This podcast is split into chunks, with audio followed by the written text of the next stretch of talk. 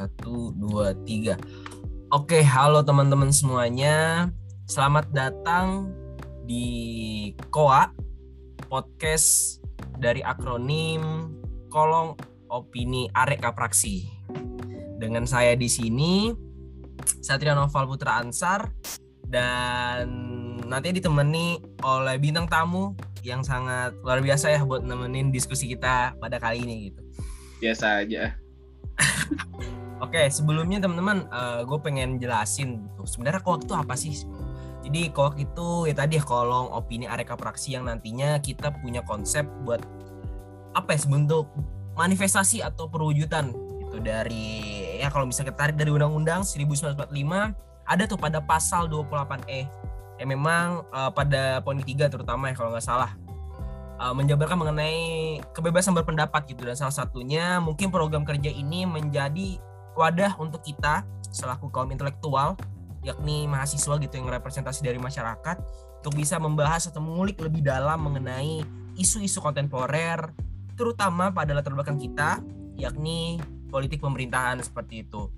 Dan nanti ini program kerja ini uh, diinisiasi oleh Divisi Kapraksi kajian penalaran dan aksi Hima PCUB 2021 seperti itu dan uh, kali ini kita masuk kepada episode yang pertama teman-teman biasanya mungkin lebih enaknya kita panggil pemirsa atau pendengar ini adalah kokers gitu ya kan dan kali ini kita akan membahas tema atau katakanlah mosi yang cukup relevan gitu sama kita sendiri yakni pemborosan APBD di DKI Jakarta dan saya ditemani oleh Mas Marcelinus Peki Aryo. Halo Mas Marcel.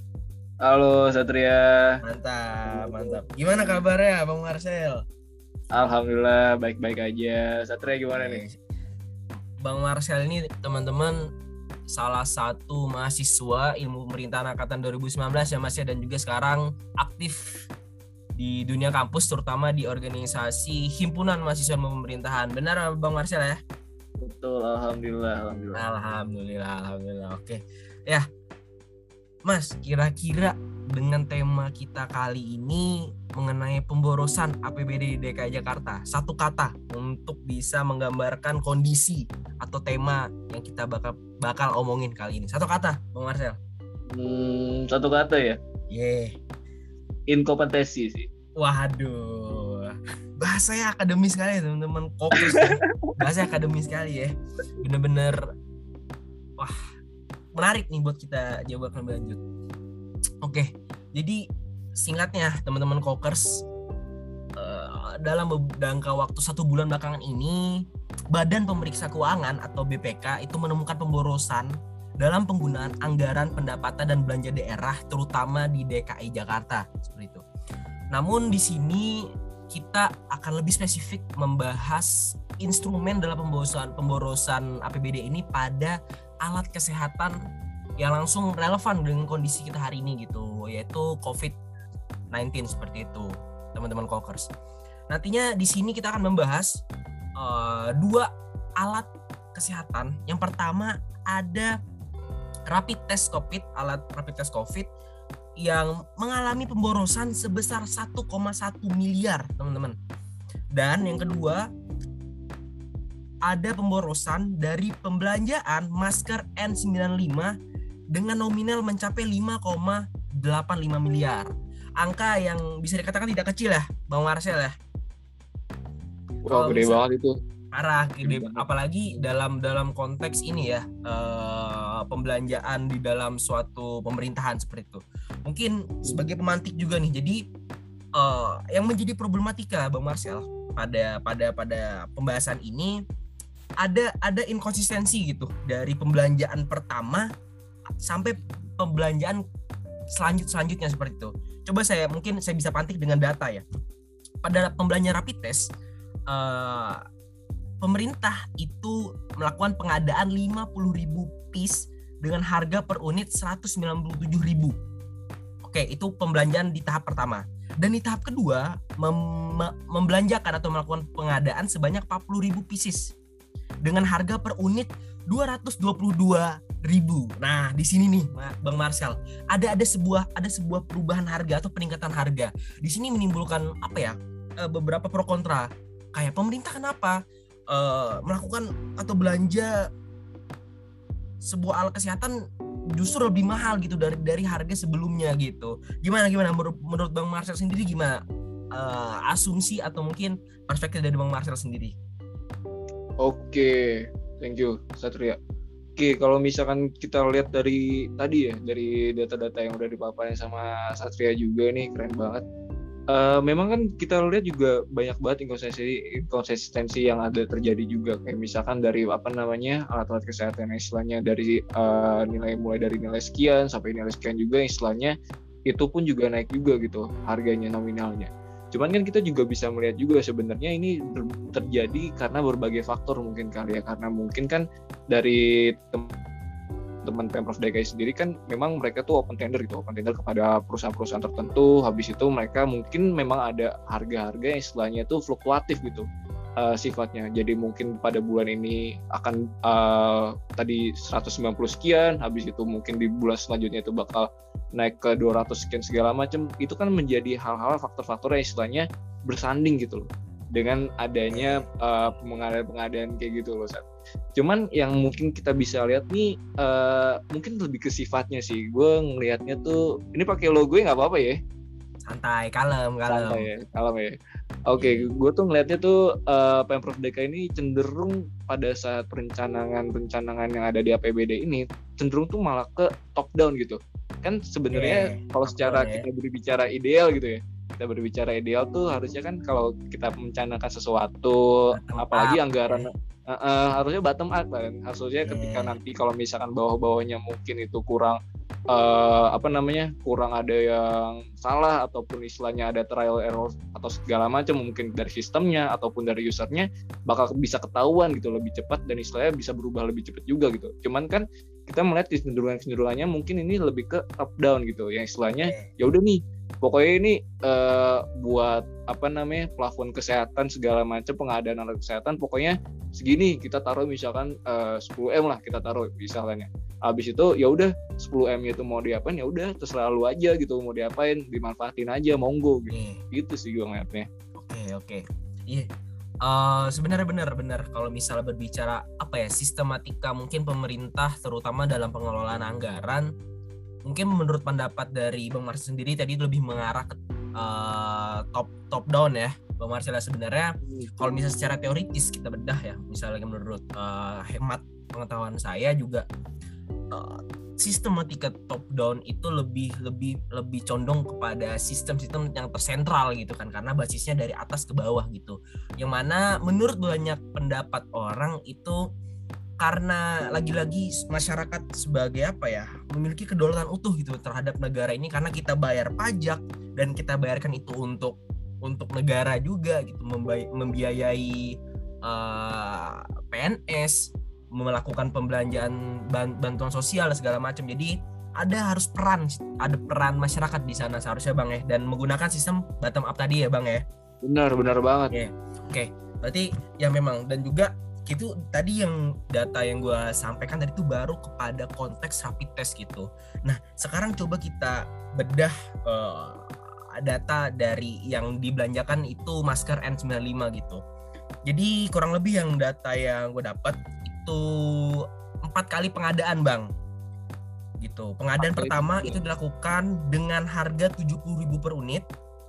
Yang kedua itu dengan harga 60.000 unit. Nah, jadi udah mulai menurun tapi di pengadaan keempat itu dengan harga 90 ribu unit 90 ribu per unit gitu jadi ya memang kurang lebih ini yang menjadi pemicu terjadinya apa ya gesekan-gesekan dalam pendapat di mungkin sosial media di dalam tatanan masyarakat yang mikir barangnya ini sama gitu loh bang. Tapi kenapa lebih memilih kepada vendor atau perusahaan-perusahaan yang lebih mahal gitu secara harga gitu.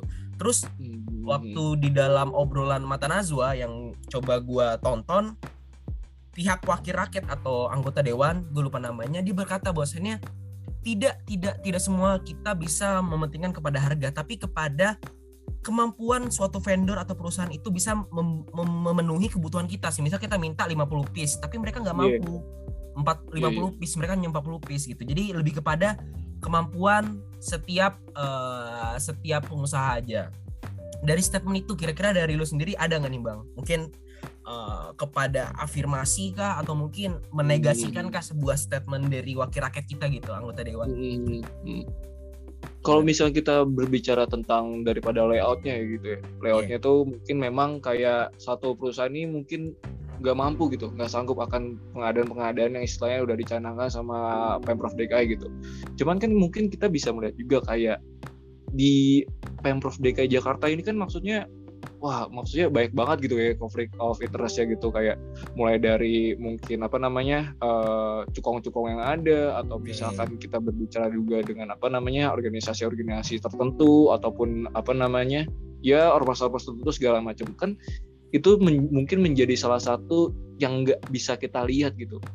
Ya. Cuman eh, yang bisa gue gue nilai di sini adalah ketika mungkin eh, DKI ini sebagai suatu apa ya representasi negara yang istilahnya itu juga di apa namanya di belakangnya mungkin ada beberapa orang tertentu mungkin Iya. mungkin ya ini kita berbicara secara utopis aja kayak ada sebuah kecenderungan-kecenderungan yang mungkin itu bisa eh, apa ya mereka tuh tendensinya tuh terlalu ke siapa terlalu ke siapa cuman Oke. kan kita gue juga gue juga belum belum belum apa ya belum terlalu apa ya namanya belum terlalu concern akan apa namanya PT-PT yang istilahnya ini memberikan ha- apa namanya sebuah pengadaan-pengadaan yang istilahnya itu udah di ACC juga sama uh, apa pemprov DKI cuman Oke. yang kita bisa lihat di sini adalah ada banyak banget berbagai macam lobby yang istilahnya eh, yang mungkin ada bisnis yang di belakang segala eh, di belakang kita atau segala macam yang istilahnya tuh mungkin secara exposure kita nggak bakal tahu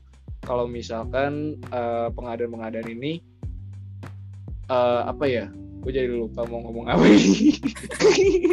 Iya soalnya soalnya soalnya kita kan berbicara utopis cuman cuman yang pasti itu cuman yang pasti itu. Pasti banyak banget konflik of interest yang ada sehingga tendensi-tendensi pemerintah tuh mungkin akan sedikit lebih condong ke siapa gitu. Kayak gitu sih. Karena gue melihat juga mungkin banyak banget soal dana-dana hibah. Kalau misalnya gue dapat apa namanya cara empirik dari cerita-cerita temen gue yang ada mungkin udah ada di sana yang udah di apa di kursi legislatif ataupun eksekutif yang ada di sana itu memang dana-dana hibah yang datang apa namanya eh, hadir di DKI saat ini itu datang mungkin dari banyak banget pihak-pihak ataupun stakeholder-stakeholder yang ada. Kayak gitu sih.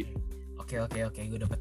Berarti eh, kepada ini ya mungkin em, secara utopis memang kita tidak bisa mungkin lah gitu ada mungkin beberapa transaksional yang mungkin apa ya mempengaruhi sebuah tindakan pemerintah ini ya bang ya. Karena kan Iya. eh, kalau misal katakanlah dalam teori secara politis ya pemerintahan ada namanya pok barel gitu politik gentong babi yang memang ada hubungan eh, patron dan klientelisme gitu. Kalau misalnya sependek peng- pemahaman gua gitu. Karena memang ada hubungan eh, antara pihak pemerintah dan pihak eksternal gitu. Mungkin tadi yang lu bisa katakan tanda kutip cukong-cukong gitu. Oke oke. Dan sekarang mungkin kita coba move atau melihat secara historis. Sebenarnya pemborosan dari APBD DKI Jakarta sendiri sebenarnya nggak hanya terjadi akhir-akhir ini aja gitu. Coba kita melihat belakang, coba kita banget. melihat belakang bang ya, karena cukup cukup sering gitu. Dia eh, sebulan terakhir ini juga ketika gue coba research mengenai pemborosan ini, pemprov DKI itu dikat- di- dinyatakan juga boros dalam anggaran untuk lahan makam kurang lebih sebesar 3,3 miliar. Kemudian eh, yang kedua ada anggaran untuk Formula E gitu dari yang ditetapkan kebijakan oleh Anies. Dan yang ketiga nih, mungkin yang menjadi highlight kita mengenai lem Aibon gitu bang. Ais. Menarik nih, menarik nih lem Aibon. Dulu sempat rame lem Aibon yang yang katakanlah lebih mahal dan masyarakat langsung coba mencari di Shopee dan segala macam dan lebih murah gitu. Gimana gimana tanggapan lu Bang Marcel mengenai apa ya? Sebenarnya ini bukan masalah-masalah yang baru-baru aja. Sebenarnya sudah sering terjadi Eh, waktu-waktu eh, dulu. eh, Gimana gimana Bang? Eh. Sebenarnya gue mau ini banget ya, mau wah gue bersyukur banget sih dalam artian dengan hadirnya sosial media ini tuh teman-teman istilahnya yang dari tataran akar rumput gitu, kayak kita kita orang ini rakyat jelata ya kan. ya. Iya, habis itu kita dengan sosial media segini kita tuh bisa memberikan sebuah pressure gitu kepada masyarakat uh, kepada pemerintah itu sendirinya karena memang dengan adanya sosial media ini mungkin apa sih yang bisa ditutupin itu apa sih yang istilahnya kayak mau ditutup-tutupin juga? Pasti nanti kalau misalnya kita kecium juga bau-baunya ya pasti bakal kebuka juga gitu. Bener. ya mungkin contohnya kayak kemarin lem ibon kemarin gitu. Yeah. dan istilahnya itu lem ibon kemarin tuh bener-bener anjir rame banget. Dan istilahnya Parah. tuh kayak yeah. gak masuk di akal bro. Gak, gak masuk di akal. Kayak lem ibon bro di suku dinas pendidikan Jakarta Barat. Terus gue kayak mikir ini anak-anak SMA disuruh ngelem gimana? Asik juga nih disuruh ngelem sekarang kan. Tapi ya udahlah. Cuman istilahnya uh, kita berbicara tentang sebuah apa ya gue bisa aduh gue takut soto ini kalau ngomong cuman gue gue yeah, menyebutnya yeah. secara op opini gue pribadi itu sebagai sebuah kultur sih. Kayak sebuah kultur yeah. di mana kayak banyak banget sebenarnya dami-dami yang ada kayak ya udah nih misalkan mungkin lema Ibon tuh salah satu yang menjadi dami gitu. Menjadi yeah, dami di uh, anggaran apa namanya uh, belanja daerah gitu di provinsi DKI Jakarta. Jadi ya udah nih pokoknya kalau misalkan di gue lihat ya gue lihat di zamannya Ahok kan kan beliau uh, ngebuka e-budgeting yang istilahnya pokoknya dah daripada istilahnya apa namanya nih tadi itu tutup tutupin ya ini duit duit lu juga gitu. Pajak pajak lu juga jadi buat apa gue tutup tutupin ya udah biar semuanya tahu biar semuanya paham biar kita sama-sama ngerti juga duit kita tuh ke mana harinya gitu.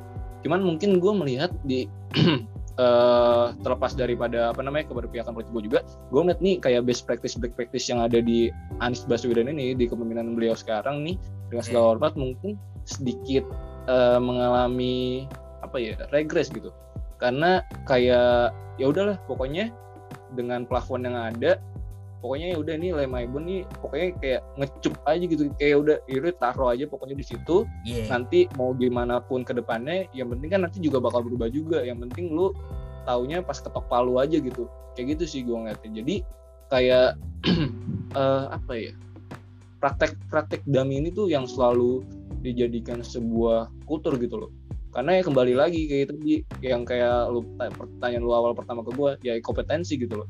Kayak manajemen sumber daya manusianya karena kan sistem e-budgeting atau apa pun itu bagus apa pun sistemnya kalau usernya itu pun juga nggak bisa mengelolanya secara baik ya gimana gitu.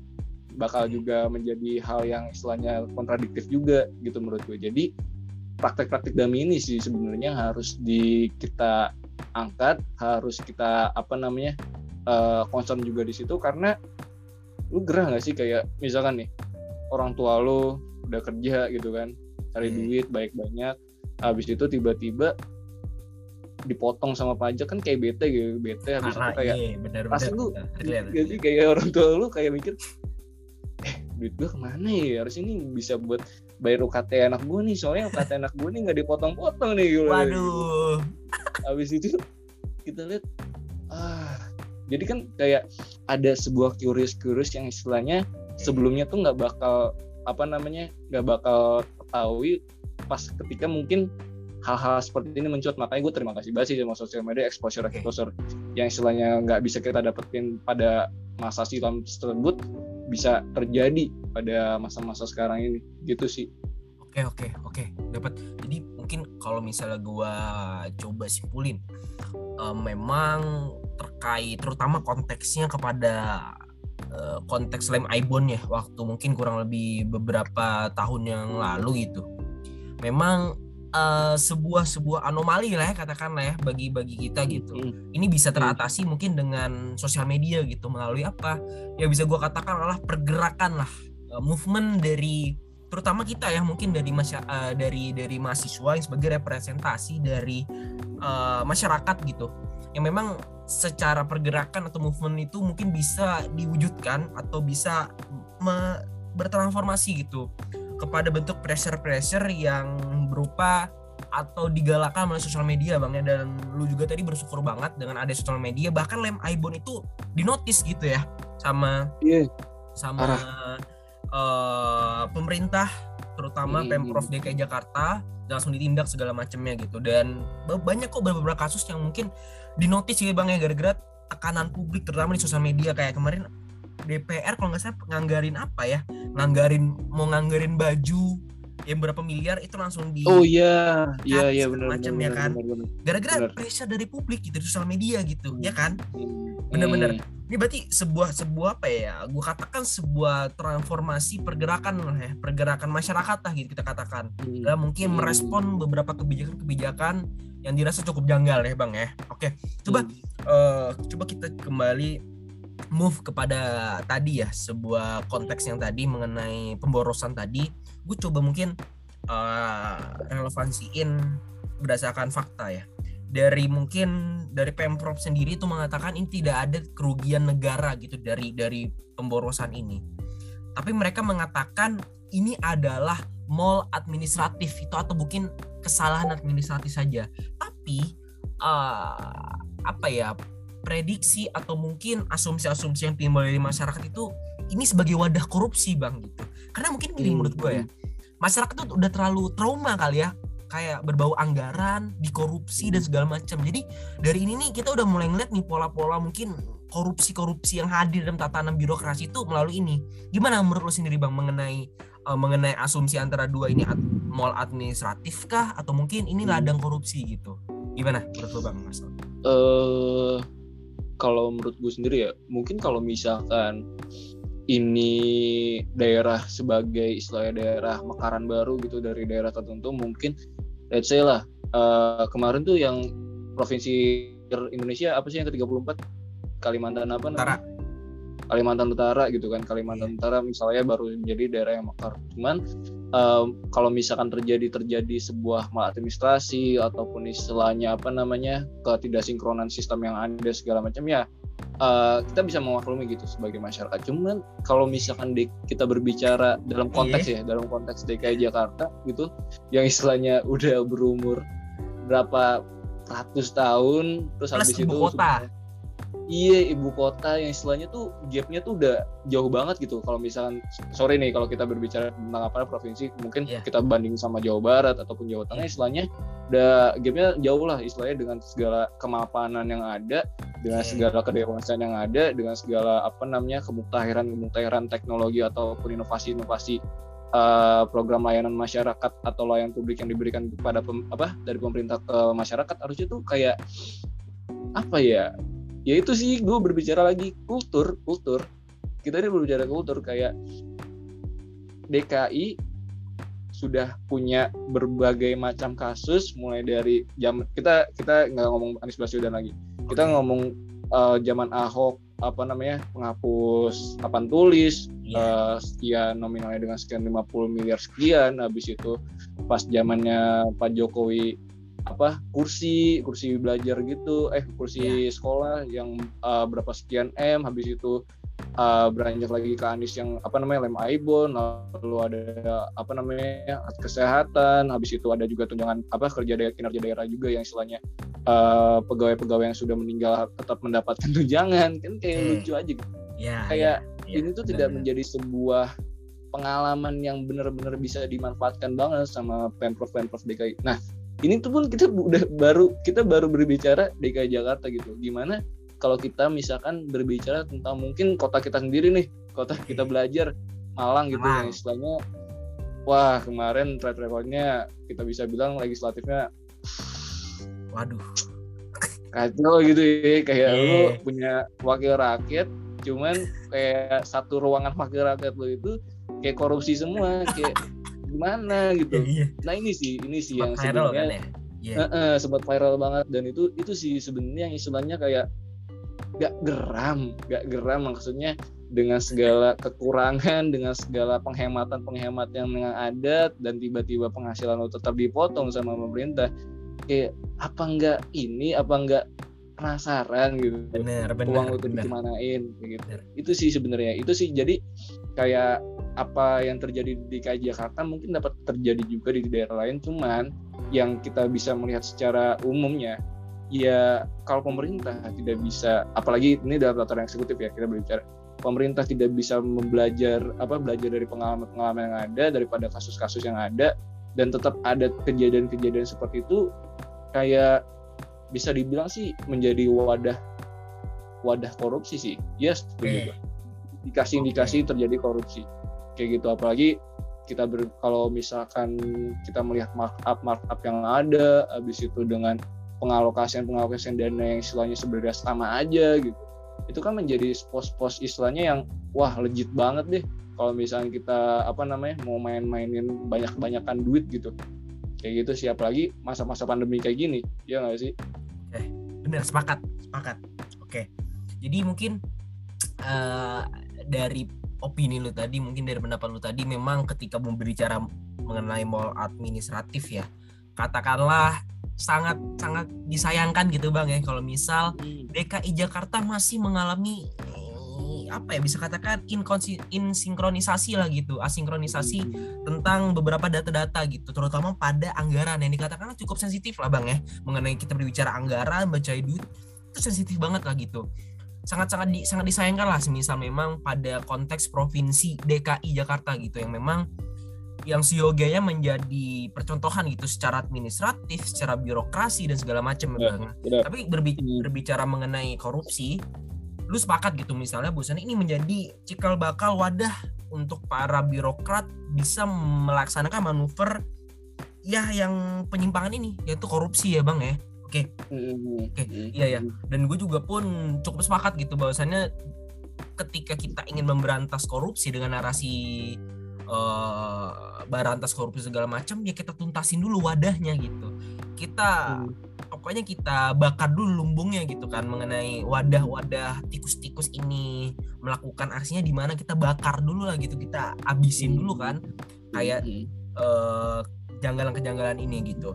Oke, hmm. dan mungkin di sini berbicara mengenai kita tadi sudah coba mengulik, beropini, mengkritisi dan mungkin uh, solusi yang mungkin yang bisa lu uraikan nih bang, bisa lu sampaikan kira-kira apa nih bang Marcel mengenai konteks permasalahan kita hari ini karena kita kan kalau misalnya kita kritik, kritik, kritik yang dipertanyakan solusi kamu seperti apa gitu. Nah, monggo bang Marcel gimana gimana?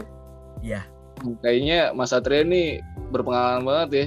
Kayak di, dikritik-kritik mulu tiba-tiba solusinya apa Mas gitu ya. Waduh. ya apa-apa lah. Kita ya pasti kan maksudnya uh, orang-orang istilahnya mungkin awam gitu pasti kan kayak yeah. ya udah Mas, Masnya kayak gitu kayak mau mau ngapain gitu. Oke. Okay. Hmm. Uh, kalau kita berbicara sama masih konteks dengan apa eksekutif seperti ini kalau dari tatanan pemerintah gue berharap banget sih ya berharap banget kalau misalkan sekecil apa pun itu se apa namanya sesederhana apa pun mata anggaran mata anggaran yang ada di dalam APBD itu sebaik itu benar-benar dibuka gitu Gus. Dalam artian kita sudah punya best practice e-budgeting gitu. E-budgeting ini udah udah enak banget lah istilahnya sebagai uh, fasilitator daripada pemerintah kepada masyarakat Habis itu pemerintah pun juga bisa ngasih transparansi kepada masyarakat tentang gimana sih alokasi dana alokasi dana yang sebenarnya itu dilakukan sama pemerintah karena menurut gue kayak masih banyak banget masyarakat tuh kayak apa ya masih awam sebenarnya gimana sih kayak dari uang-uang pajak penghasilan ataupun pajak bangunan yang sudah gue bayarkan ini tuh dilokasinya itu seperti apa bagaimana sistematikanya habis itu mau dipakai buat apa segala macamnya kita berharap juga uang-uang kita ini bisa menjadi kebaikan kita juga gitu kan bisa menjadi kebermanfaatan kita juga dan itu sih yang dari tatanan pemerintah. Yang penting transparansi yang ada tuh benar-benar dibuka bener-bener kayak dikritisi juga sama teman-teman juga. Nah ini sih yang satu lagi menjadi sebuah entry point gitu loh. Daripada kejadian-kejadian lem Aibon yang ada habis itu mungkin alat kesehatan yang tadi sempat kita bahas juga atau enggak mungkin zaman zamannya Ahok di pemprov DKI itu uh, penghapus apa uh, papan tulis segala macam kita juga menelisik bisa menelisik gimana sih oh itu di Jakarta gimana sih kalau misalnya di daerah gue kayak penasaran aja nggak sih lu kalau misalkan lu uh, punya pemprov gitu. Mungkin kita let's say di Malang gitu istilahnya mereka punya track record yang mungkin bisa dibilang dia cukup apa ya cukup miring lah rumor-rumornya segala macam kayak penasaran gak sih? Oh di Jakarta aja istilahnya udah mapan tuh bisa kayak gitu. Apalagi di daerah gua mungkin seperti itu. Karena dengan segala kemapanan yang ada dan gap yang ada. Dan ini sih sebenarnya gue tuh melihat kalau sorry ya kalau misalnya teman-teman yang mendengar ini sedikit menyinggung gitu. Cuman gue melihat kayak pergerakan-pergerakan mahasiswa ini mungkin memang lebih proaktif gitu. Lebih aware dan lebih istilahnya lebih melek dengan isu-isu yang ada gitu. Cuman dengan segala hormat mungkin gue melihatnya sebagai orang awam gitu. Kita tuh terlalu reaktif gitu saat ketika ada suatu isu uh, mungkin kita lihat saya apa ya isu apa ya istilahnya mungkin seru. Oh mungkin kita ini reformasi di korupsi kemarin reformasi di korupsi. Kan kita salah satunya membahas RUU KPK. Wah yeah. ramai banget kan tuh. Itu keren banget sih. Gua gua benar-benar appreciate banget buat teman-teman yang selain kemarin sempat turun ke jalan ataupun sempat geril gerilya udara juga di sosmed. Itu gue benar-benar keren banget. Cuman ketika uh, apa namanya isu-isu tentang yang menyinggung tentang KPK ini terus berjalan terus dinamis segala macem kayak seakan-akan tuh apa ya kehilang mungkin mungkin kehilang dibilang kehilangan atensi enggak cuman exposure-nya tuh malah jadi turun gitu. Padahal ini sebenarnya tuh dapur kita gitu.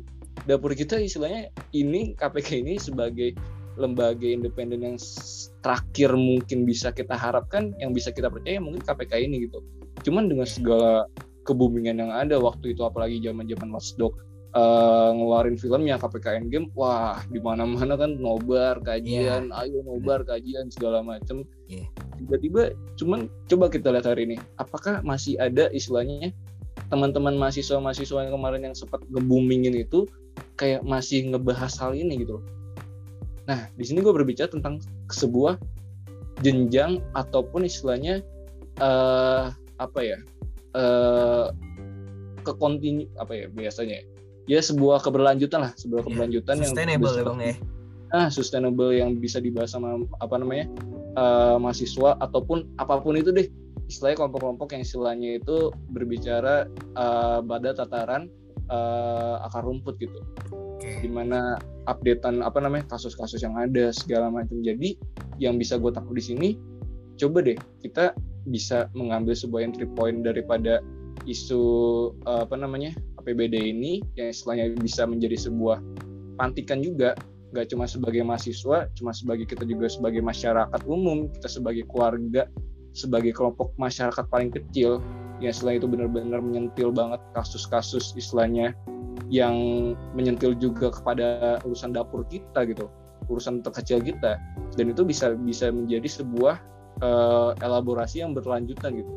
Jadi nggak cuma sampai berhenti di sini aja gue berharap juga apa pun itu isunya kalau bisa teman-teman daripada mahasiswa pun juga bisa memberikan sebuah pergerakan yang kontinu juga bisa berkelanjutan biar ada sebuah apa ya gak cuma output gitu nggak kalau misalnya kita berbicara output mungkin kita bisa berbicara tentang kesadaran akan isu-isu yang ada cuman kalau kita berbicara outcome-nya kan pasti oh ini ada update-annya nih ya kan dan yeah. kita juga masih yeah. bisa ngasih tahu juga nih ke pemerintah kalau misalkan ini loh masyarakat nih masih aware masih punya perhatian dan masih punya harapan akan isu ini tuh bisa selesai dan istilahnya kita bisa sama-sama menikmati hasil daripada itu. Itu sih gue melihatnya oke oke.